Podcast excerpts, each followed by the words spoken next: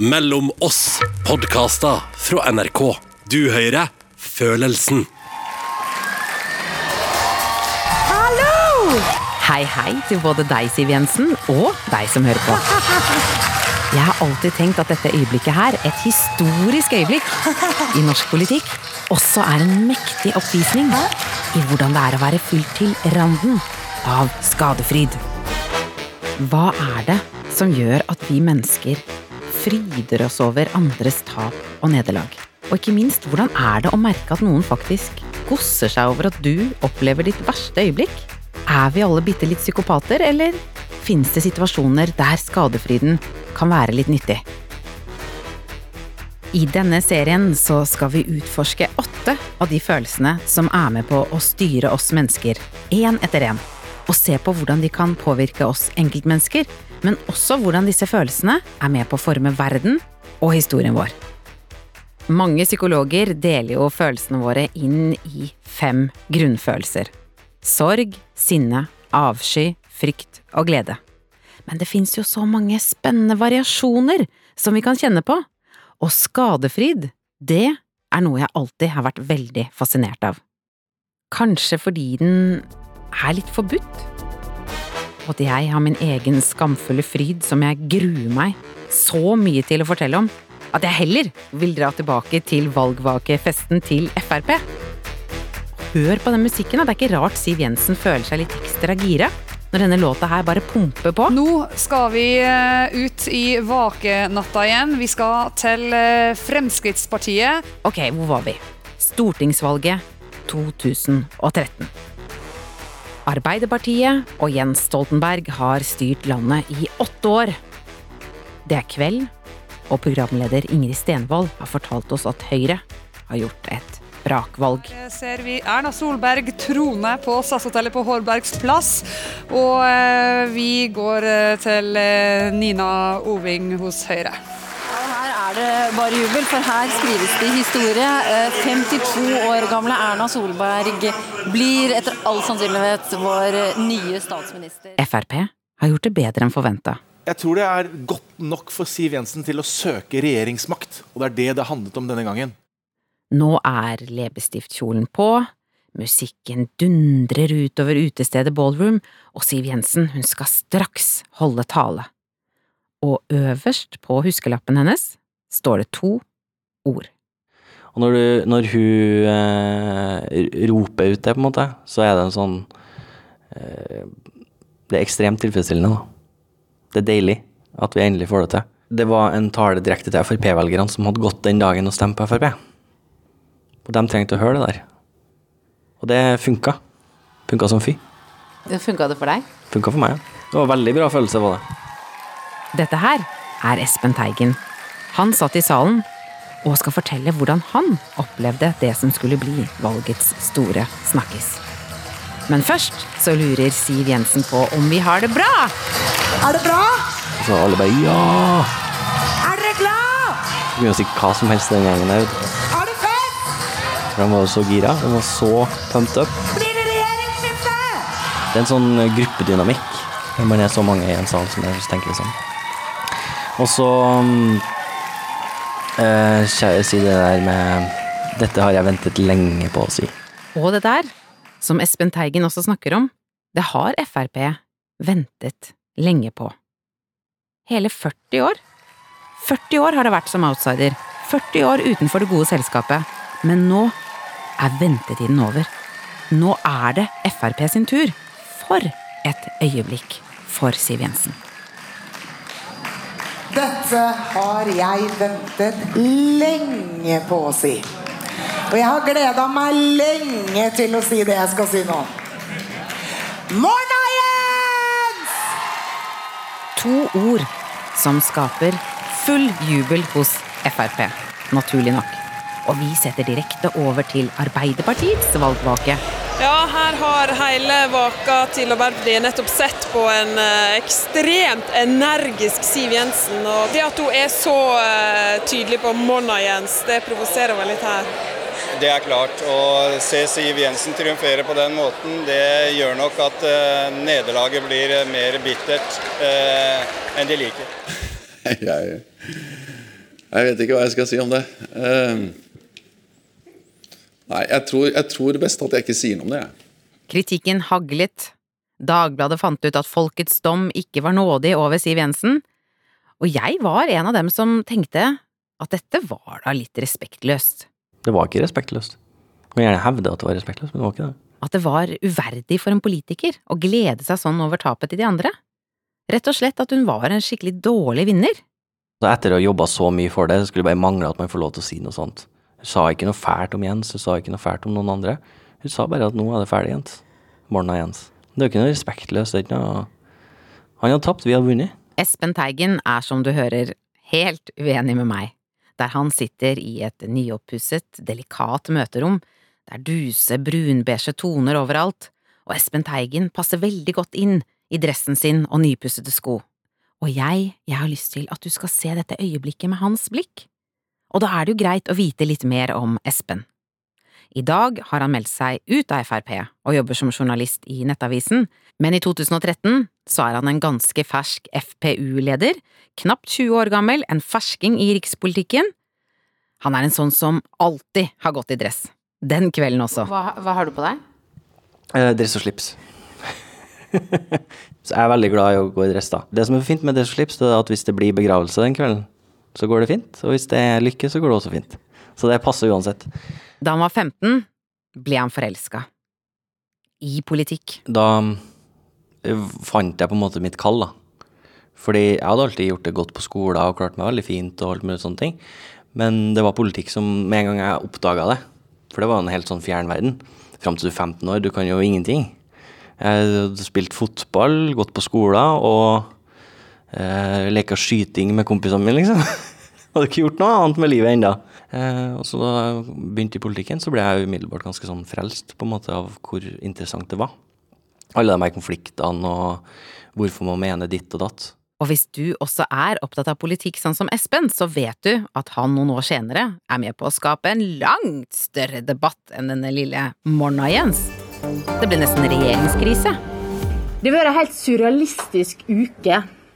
Der et eh, Facebook-innlegg som er beklaga, har omgjort norsk politikk til en barnehage. Kraftig ordbruk da Sylvi Listhaug gikk av. Saken engasjerer voldsomt, og får både tommel opp og tommel ned fra trønderske velgere. Han var den store Facebook-strategen og spinndoktoren til Sylvi Listhaug. Det var lik og del og hylekor, og ni ord om Arbeiderpartiet som tenkte mer på terrorister enn nasjonens sikkerhet, som til slutt gjorde at Sylvi Listhaug måtte trekke seg. Men det er faktisk en helt annen historie, og vi, vi må jo tilbake til skadefryden. Altså, det er ikke noen tvil om at det er massiv skadefryd over at man klarte det. Det er to viktige ting som spiller inn på stemningen i salen. For det første så trodde Frp at det egentlig skulle bli Morna-Jens i 2009, så vi er jo egentlig fire år på overtid med skadefryd. På landsmøtet i 2009 så var det sånn ekstase da Siv var på talerstolen, og det var sånn klar forventning om at nå klarer vi det. Nå kommer vi oss i regjering på et vis. Og så er det det med at Frp-ere har kjent seg som outsidere hele tiden. Det er en sånn kultur i Frp som er prega av det at uh, man lenge ble sett ned på og satt litt bort. Sjøl om man da på det tidspunktet hadde 22,9% av velgerne. Så det var en sånn Man ble liksom tatt i med ildtang, da. Ikke sant? Så man ble litt sånn, følte seg litt uh, utafor. Det man plukka opp i media, eller, eller for den del i skoledebatter, det var alltid en sånn derre Frp litt sånn skitten. Litt sånn Ja. Man liker ikke dem. Det med ildtang og skitten er for øvrig sånn som Espen ikke bryr seg om. Det var, det var også noe som appellerte litt til meg, da, fordi at det er sånn elsk-hat-forhold. Jeg husker Carl I. Hagen sa det en gang, at det har ikke noe å si om 70% hater deg, så lenge 30% elsker deg. Men jeg er sånn som kan liksom henge meg litt opp i de som da ikke liker meg. De fleste bryr seg veldig. Selv om de ofte sier at de ikke gjør det, så bryr de seg veldig. Fordi det påvirker folk når de får mye dritt. Det gjør det bare. Det er sånn mye laga. Så har du, du har dem, som er de fleste. Så har du noen som er sånn øh, bryr seg oppriktig ikke, de bare gir blanke. Og så har du sånne som meg, som blir motivert av det. Og dem tror jeg det er få av, altså. For jeg syns det er kult det når folk er sånn skikkelig forbanna på deg. Og sånne egenskaper er jo gode å ha, når man drar rundt på skoledebatter som ungdomspolitiker, og Espen skjønner at dette er noe han får til. Jeg merka nok litt at jeg var god, litt god på det da jeg var med på skoledebatter. Det var noe av det jeg syns er gøyest. Det er sånn typisk mareritt for ungdomspolitikere. Fordi det er en helt forferdelig situasjon. ikke sant? Du sitter der i et panel med en haug med folk du ikke har møtt før, så du vet ikke hva, om hvordan de oppfører seg. Og så sitter du i en, ofte en gymsal med kanskje 500 eller 1000 elever til og med. Og det er ikke noe sånn herre ansvarlig, koselig debatt som går på NRK Debatten, ikke sant. Det her er helt, eh, det her er helt Texas. Folk sier ting de aldri overhodet kunne ha stått for når de blir voksne. ikke sant? Og de eh, lirer ut av seg det ene og det andre, punchline og alt mulig. Vi har jo så mye rart vi gjorde, ikke sant. Vi hadde jo, vi hadde jo skilt der det sto Yolo på, altså You Only Live Once. Så brukte vi dem da det var sånn kritikk mot Altså vi foreslo liberaliseringa, for eksempel, ikke sant. Sånn som snøscooter eller hva det skulle være. Kom det kritikk mot det, så holdt vi opp det skiltet. Sant? Da fikk vi jo massiv applaus og latter. Det er bare sirkus, ikke sant? men det var utrolig artig. Jeg syns det var veldig artig. Jeg trivdes veldig med det. Um, og den der um, greia med å Jeg har alltid syntes det var fascinerende, da, det der med liksom den um, forsamlinga.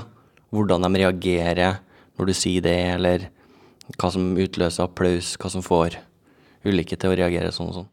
Og forsamlingen, som har samlet seg på valgvaken i 2013, består av folk som har gitt alt, dag og natt, i seks uker, måneder, år, for at Frp skal klare målet sitt om endelig å bli en del av en regjering. Du sitter i en forsamling hvor alle sammen er sliten, fordi alle sammen har stått på. Så det er en sånn følelse av at du, en sånn samhold, på en måte.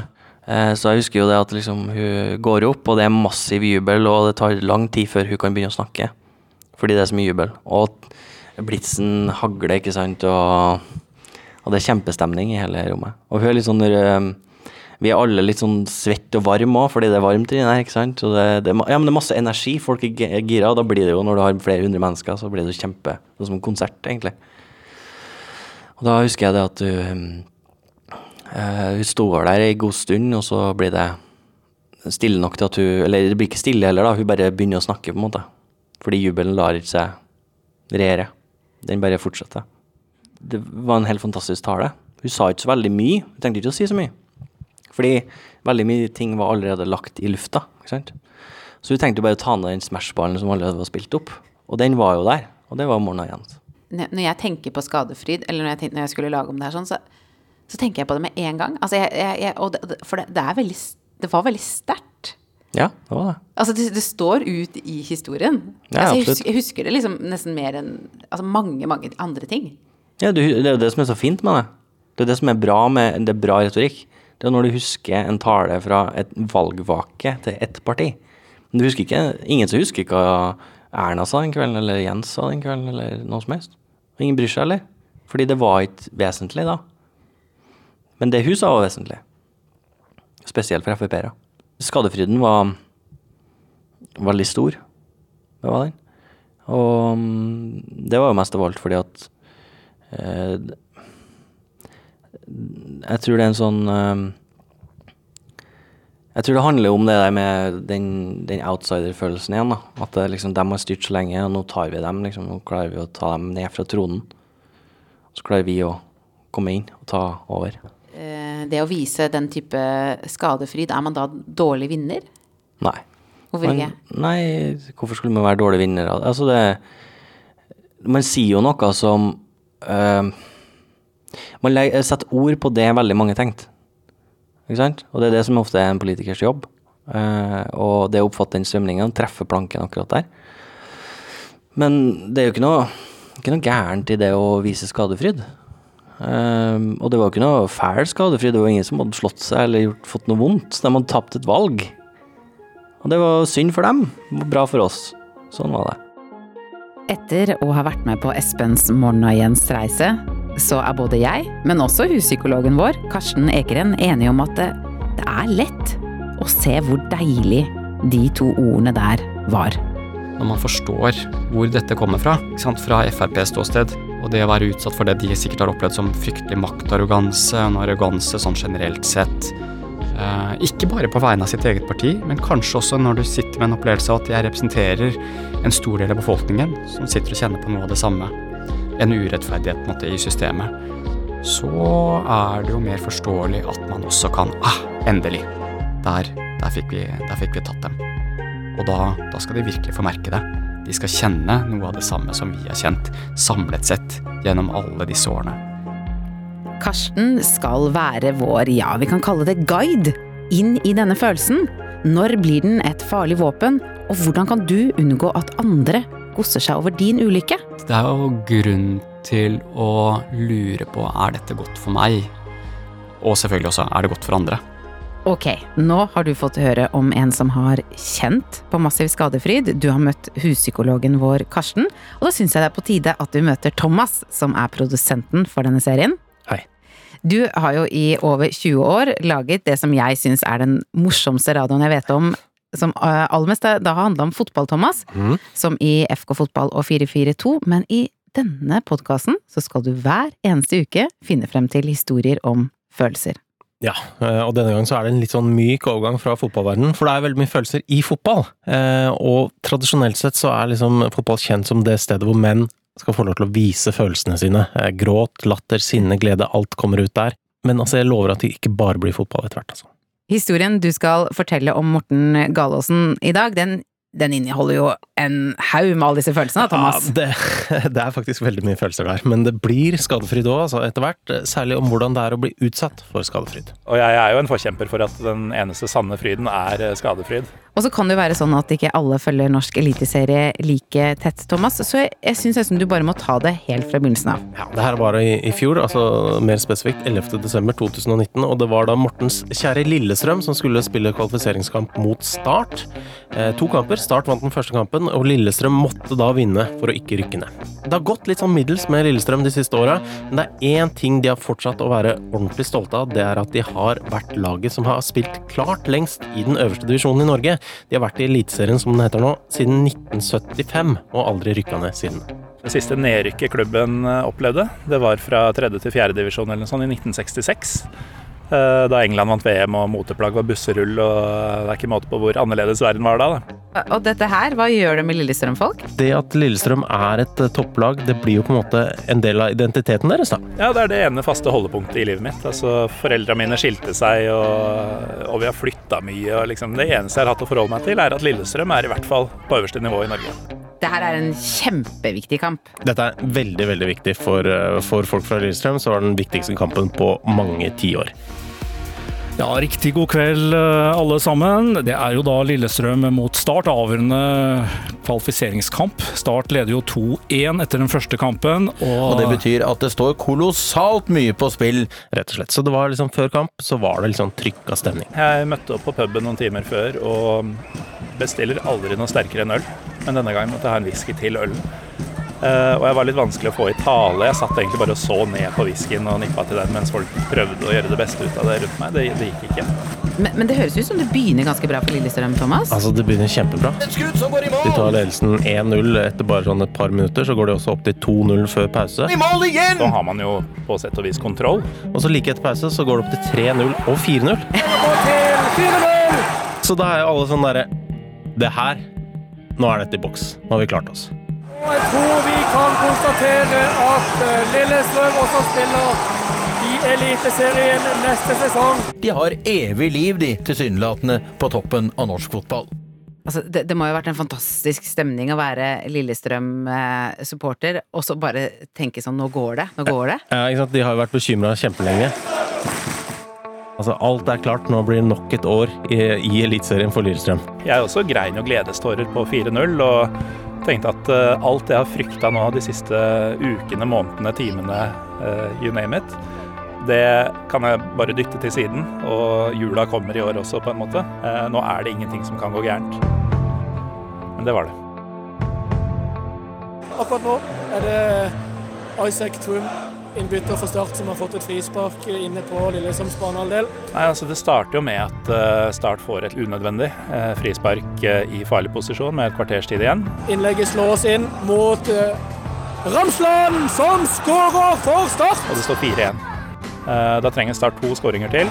Og med et kvarter igjen å spille Som har inntil nå hatt stålkontroll på kampen. Dette er det første Start har hatt i det hele tatt. Men begynner folk å, å, å øyne en eller annen sjanse bare på 4-1 her nå, eller? Altså, liksom på 4-1 så snur liksom alt. Og plutselig så er det Start som eh, er først i duellene, og Lillestrøm som eh, slår vekk ballen litt upresist. Og ja, resten er jo historie. Men nå kommer altså Start igjen! De er alene med keeper! Det er to! Start skårer igjen! For ordens skyld, sammenlagt nå. Nå kommer Start! 5-4. Nå kommer de! Det kommer inn fire! Å, det er mål! Det er mål til Start! Det er mål til Start! Jeg tror ikke det jeg ser! Start har skåra igjen! Det er 4-3! Hva er det som skjer på Åråsen? Hva er det som skjer på Åråsen? Nå var alt over. Etter 45 år i Eliteserien så hadde Lillestrøm faktisk rykka ned. Dette har vært en av de villeste fotballkampene i norsk fotballhistorie. Det tør jeg påstå. Det tør jeg påstå. Publikum ble forbanna, de kasta bluss ut på banen, de skjelte ut egne spillere. Fordi det er mye sinne blant Lillestrøm-supporterne. Folk var så forbanna, det var så merkelig stemning. Det tydeligvis eh, mange følelser eh, eh, på Åråsen. Mm. Og sinne og, og sorg og fortvilelse. Hvordan gikk det med Morten? Nei, det gikk ikke så bra. Fra før kampen var blåst av og fram til jeg var på jobb dagen etter, så sa jeg ikke ett eneste ord. Verken til meg selv eller andre. Jeg marsjerte ut av stadion, gikk ned til toget, tok det hjem, satte meg med en flaske meget sterkt brennevin i mørket. Satte på den sinteste vinylplata jeg har. Og kjørte på med et par glass og et par runder med den, eh, og prøvde å tenke. Og så gikk jeg og la meg og sov sånn passe. Kom på jobb dagen etter, og det første kollegene sier er at eh, de tror noen har dødd. Fordi det er eh, genuin sorg i hele ansiktet mitt. Det virker jo som at Morten er aller mest lei seg, egentlig. Hvor, Ja. hvor kommer egentlig skadefryden inn, Thomas? Nei, altså skadefryden kommer jo inn eh, fra andre folk, for han er jo, blir jo offer for skadefryd. Eh, Og man kan jo klare å skjerme seg litt fra det. eh, Hvis man f.eks. klarer å la være å gå inn på sosiale medier. Samtidig så er jeg jo en sucker for sosiale medier, så allerede den kvelden så satt jeg og scrolla gjennom Twitter, som den masochisten jeg er. Og det var jo det verste, eh, nesten. Det var mange som koste seg. Hele kongeriket ønska jo tydeligvis at dette skulle skje, og det overraska meg litt. Både Bergen og Kristiansand og Stavanger og Molde ikke minst, og, og mindre steder, da. Så eh, Sarpsborg og Kongsvinger, altså you name it. De, de syns det var gøy. Men det han nok hadde forventa, var at Vålinga-supportere skulle sånn, ha en del skadefryd. For det Vålinga og Lillestrøm de er jo erkefiender. De har, eh, sier at de har hata hverandre eh, de siste ti årene. Eh, og det var jo sånn at eh, det var en del Vålerenga-supportere som da hadde tatt turen til Åråsen, kun for å være til stede, eh, kanskje heie på Start, eh, og liksom kunne overvære endelig at Lillestrøm skulle oppleve den smerten de selv hadde opplevd før, da. Men det negative for Vålerenga-supporterne, positive for Morten og de andre Lillestrøm-supporterne, var jo at eh, de gikk, de, på 4-0. Heldigvis hadde de gått på 4-0, så de hadde jo fått med seg opphentinga gjennom eh, vinduet til et serveringssted i Lillestrøm. Eh, og så ble det stående og se gjennom vinduet at kampen ble avslutta. Så heldigvis fikk de ikke festen på stadion. Eh, men det, det er en mager trøst for min del, da. Det er en trøst, da. Det er en trøst, Thomas, men, men, eh, men altså, tenk det. Du oppsøker eh, faktisk denne fotballkampen kun for å kanskje få oppleve og nyte nedrykket til din erkefiende. Altså, det er jo snakk om skadefryd, da. Det er veldig skadefryd, absolutt. Eh, og hvis man var Morten, så må vil man kanskje tenke at det syns han er veldig provoserende, men samtidig så kunne han vel egentlig ikke klage på det. Samtidig så var jo jeg sammen med Sogndal-supporterne på Ullevål en høstdag i år 2000 og feira med dem at Vålinga rykka ned. Så jeg skjønner dem jo veldig godt. Jeg hadde det nok nesten like gøy da Vålinga rykka ned, eh, som jeg hadde da Lillestrøm vant cupen sju år seinere. Det høres ut som Morten faktisk tenker at skadefryden er en del av fotballen. Ja, en litt sånn viktig del. Altså, I Eliteserien for eksempel så er det 16 lag, og det er jo bare ett av de som kan vinne. Det betyr at 15 av de ikke vinner. Eh, sånn at eh, hvis man bare skal få glede av å vinne, så er det jo ikke, det ikke så mange som får det. Eh, sånn at eh, i, i fotball, for å få noe særlig glede for de 15 andre lagene, så, så må man altså klare å nyte at andre lag taper. Og det er det mange som klarer å nyte. Jo, men er man ikke fra Trondheim eller Molde og holder med et norsk fotballag, så er det det du har. Altså andres ulykke er det du, det du har å kunne finne glede i, fordi eh, serien kan du ikke vinne. Rosenborg. Rosenborg. Og Rosenborg Sikret seg seriegullet. Seriemesterskap. Det, det du har igjen, er jo å slå lagene du liker minst i det som viser seg til slutt å være ganske intetsigende trepoengere eller ettpoengere. Og at eh, noen du misliker, eh, virkelig mislykkes og går på trynet. Så fotball er, en, er egentlig en ganske bra arena for skadefryd? Det er den perfekte arena for skadefryd. Én ting det er jo supportere som Morten Thomas, men hvordan er det for de som er der ute på gressmatta og lever med den skadefryden? Du har møtt en fotballspiller, Thomas? Ja, det har jeg. Jeg møtte Jav Ile Amankwa, som er midtstopper på Stabekk. Han studerer også idrettspsykologi ved siden av, og da han var yngre så spilte han på Brann, og det gikk fint i starten. Men da det begynte å gå litt tyngre, da møtte han på skadefryd. Jeg husker da jeg eh, var ung og begynte å spille for A-laget til Brann som eh, bergenser. Så tror jeg det er mange som jeg har spilt eh, med og mot opp igjennom, som i begynnelsen syntes kanskje det var litt spennende at jeg skulle få skrive kontrakt med Brann og gjøre debut der.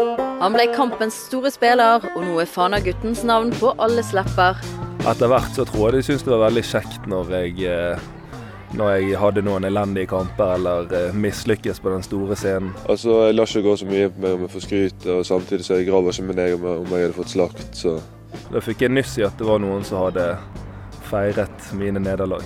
Han mener jo også at eh, Bergen er kanskje litt spesiell på akkurat skadefrydfronten. Altså Hvis jeg skal være helt dønn ærlig, så vil jeg si at Bergen er skadefrydens hjemby. Det jeg sier, det ligger 100 sekunder før det jeg tenker. Jeg er veldig glad i Bergen. Jeg er bergenser sjøl fantastisk by og unik by på alle måter. Men det er en del ting med mentaliteten der som eh, ikke er like bra. Og det med skadefryd Selvfølgelig, du finner det i hele verden og du finner det i hele Norge, men spesielt i Bergen så syns jeg den står veldig sterkt. Han skjønner at det er, ikke er en god ting, med andre ord, men han klarer ikke å unngå skadefryd selv allikevel. Jeg er skadefro, men jeg er bevisst på at det hjelper jo ikke meg. Det gjør ikke meg noe bedre, verken som spiller eller som menneske. Men likevel, det er jo akkurat som med, med godteri og all slags andre mulige ting. Det gjør ikke meg noe bedre, men av og til er det jo jævla deilig for det òg. så, så det her er den derre litt sånn derre um, hemmelighetsfulle, litt sånn skamfulle, men også så deilige følelsen han snakker om? Ja, det kan være litt sånn Man kan kose seg litt med det, tydeligvis. eh, Selv om det kanskje ikke er bra for deg. Han har også en teori på liksom eh, hvorfor man er skadefro. Han mener jo det at eh, det å være skadefro, det kan egentlig være et slags kompliment òg. Tror jeg at eh, man ofte kan være skadefro overfor personer som kanskje har noe eh, som man innerst inne egentlig beundrer litt, men man har ikke lyst til å innrømme det for seg sjøl. Sånn at når du da ser at de mislykkes, så kan man liksom klappe seg på skulderen og si ja, det er bedre her på sidelinjen enn enn det der galskapen han eller hun holder på med. Hvis jeg skal være igjen helt ærlig, så jeg liksom lest den boken til Petter Stordalen og syns at han har et sånn pågangsmot og en sånn null risikofrykt som jeg beundrer veldig. Det er mandag! Grip mandagen! Og det er mandag! Men så nå når han sliter og det er liksom store saker, så har jeg liksom tenkt sånn ja, det er ikke så enkelt for deg heller. Men det kommer på en ikke fra et hatefullt sted, men det er vel bare en naturlig greie til at selv for en som har noen kvaliteter som jeg beundrer såpass, så er det jo, kan det jo være godt å se at han òg må forholde seg til at livet går opp og ned. Og det er mandag! Jeg simpelthen bare elsker det! Jeg skal innrømme at eh, jeg tenkte sånn når de der eh, mandags Det er mandag-storyene ble suttet og lagt ut, så tenkte jeg ja, det er kanskje ikke så jævlig lett hver mandag. For deg heller. Det kan altså ligge en god porsjon beundring og misunnelse i skadefryden. Det å rope 'Morna, Jens' frydefullt, det kan altså føles så berettiget at du ikke skammer deg litt engang. Eller som Mortens historie om Lillestrøm, det vondeste i et stort nederlag, det er å merke at de andre faktisk gosser seg. Samtidig så kan jo skadefryden skape tilhørighet og samhold. Vi heier på Lillestrøm, vi hater Enga. Og psykolog Karsten, du har faktisk prøvd å oppsummere følelsen i én setning, du. Ja, så jeg prøvde å være litt smart, da. Så jeg skulle prøve å liksom oppsummere det i en enkel setning, og da slo det meg at det er kanskje det vi kan kalle eh, bitterhet i ekstatisk utfoldelse. Og det er ikke så rart at Karsten trekker frem dette med bitterhet, for en undersøkelse som han forteller om, viser at det er lettest å utløse skadefryd hvis du kjenner deg underlegen, og så betrakter du en som du tenker er ufortjent mektig, feile. Og dette er, syns jeg er interessant, da, det blir jo alltid sånn at man begynner å snakke om Trump, selvfølgelig, når man nesten, nesten alle samtaler går i retning han, men, men, jeg tenker at det er noe av grunnen til at vi trekkes mot eksempel å lese om Trump. En ting er fascinasjonen, men vi elsker det jo også. Smart guy. Det er noe av grunnen til at vi koser oss med fortellingene og beretningene fra hans sted, fordi vi syns han er dum, og fordi vi tenker at han er plassert i en viktig posisjon uten å fortjene det. Altså, han er jo helt perfekt. Jeg har ikke tenkt på det engang. Nei, nei, han, er, han er, passer perfekt inn der. Og så syns jeg det er interessant, da, hvis vi først skal eh, trekke noen sånne eh, gå til politikken, så er det jo interessant å se Boris Johnson, som på sett og vis Han er jo også en populist, ikke sant, og en kyniker. Men han har skjønt antageligvis um, mer hva som skal til for å ikke bli oppfattet som en som står i en så mektig posisjon. ikke sant? Kontrasten er jo egentlig ganske slående mellom Trumps liksom hentesveiser og brunkrem og, og et forsøk på å fremstå som en keiser, mens Boris Johnson gjør stikk motsatte. ikke sant? Han rufser seg til, uh, spiller på å være litt sånn uflidd. Uh, og jeg har lest at uh, hans tilsynelatende Mange blir jo forarget på han, også fordi han er fremstår som en, som sjarlatan og en amatør. Og at han ikke vet hva han driver med. Og til en viss grad så kan jo det være riktig, men han har skjønt det at når jeg fremstår som en rufsete type, så, jeg, så, får jeg også et element av sjarm over meg. Ikke sant? Sånn at han øh, gjør det jo sånn bevisst at når han kommer og skal holde en tale, f.eks., så later han som at han ikke vet hvor han er, eller hvem han skal snakke for, eller er liksom som om ting er tatt på sparket.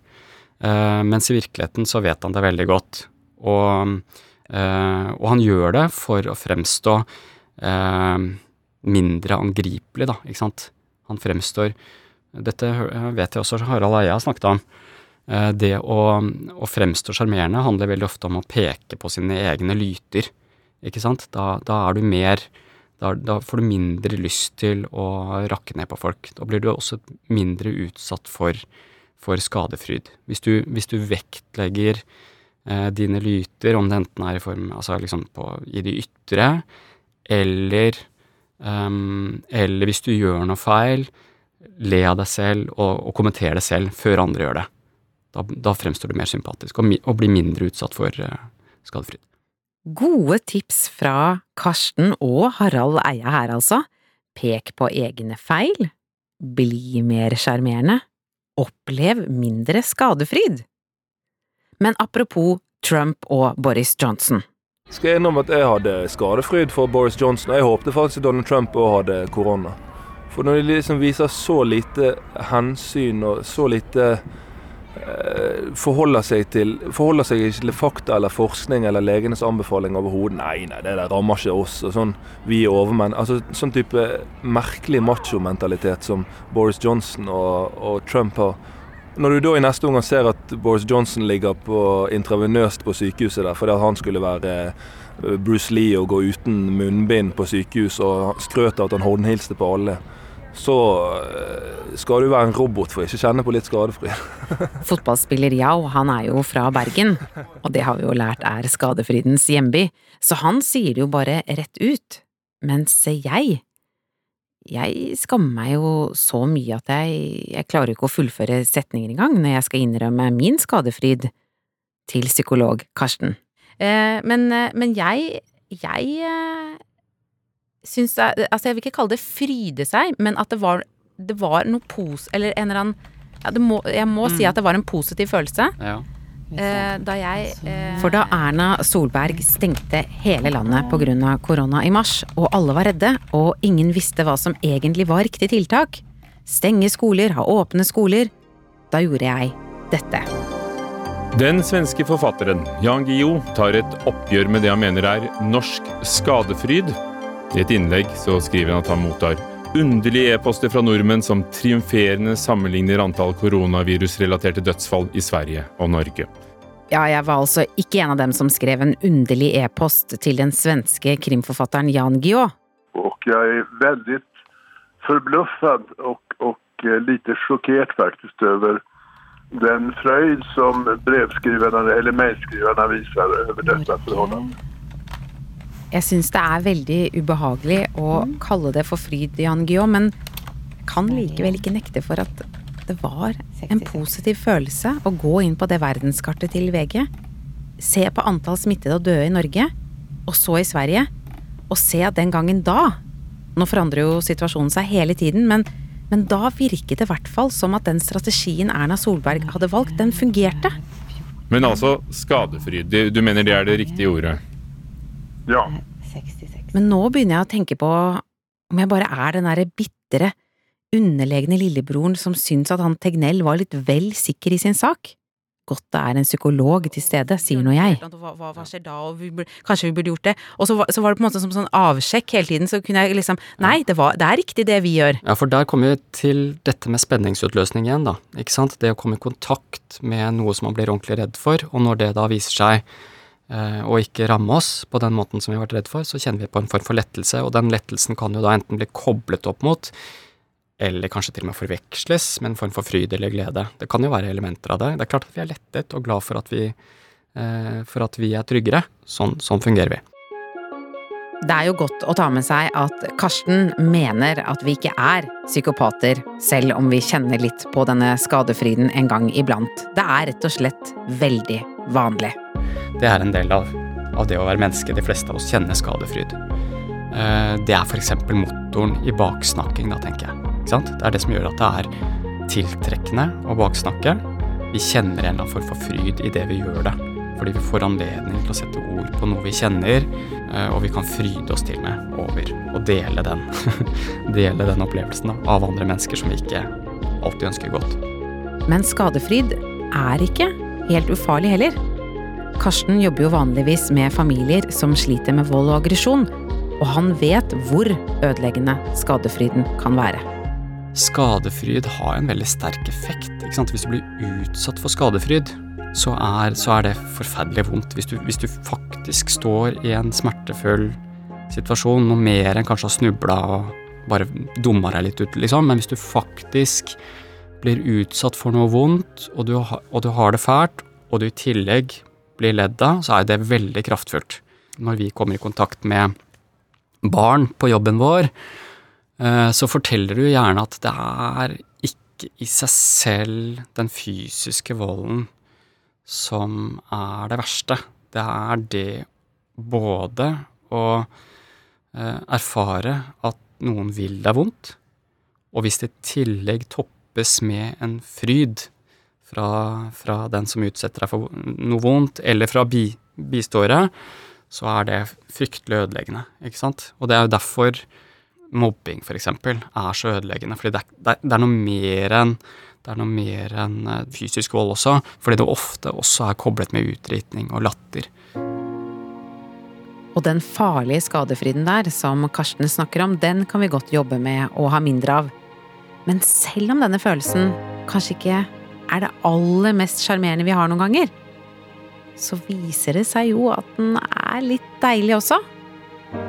Og ja, så kommer den kanskje fra noe underlegent i oss, noe bittert. Men det betyr jo også at det er noe beundrende i skadefryden, da. Og uansett hvordan du vrir og vender på det, skadefryden kan utløse ekstatisk glede. Klart at det var en sånn euforisk stemning. Og det, er sånn, det kribler i hele deg, og Eh, du kjenner at alle sammen er der og tenker det samme. Men her har du jo faktisk jobba mot det i 40 år, da, lenge før jeg ble påtenkt en gang. ikke sant? Har man jobba for det her. Så endelig får man det til. Det er mål! Det er mål til Start! Det er mål til Start! Jeg tror ikke det jeg ser! Start har skåra igjen! Jeg hadde det nå nesten like gøy da Vålinga rykka ned, eh, som jeg hadde da Lillestrøm vant cupen sju år seinere. Den neste følelsen vi skal lære mer om, blir av forskere kalt følelsenes atombombe. Og jeg har aldri glemt de gangene jeg har blitt skikkelig ydmyka. Og det har ikke Anita heller. Det er en sånn total ydmykelse. Eh, han har på en måte satt meg på plass så grundig, bare ved den lille gesten ved å stoppe opp og se foraktfullt eh, på tyggisen min. Så sterk er den at noen mener ydmykelse bidrar til krig og terror. Historier om ydmykelse får du høre i neste episode av Følelsen.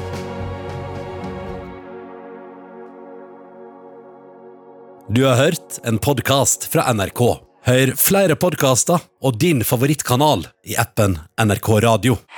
En podkast fra NRK. Hva med en podkast som plukker ut de viktigste nyhetene for deg? Både fra Norge og verden. Og som snakker om dem på en sånn måte at du ikke klarer å la være å høre på. En snarvei til skikkelig peiling. Hør nyhetspodkasten Oppdatert Med meg, Ragna Nordenborg. i appen NRK Radio.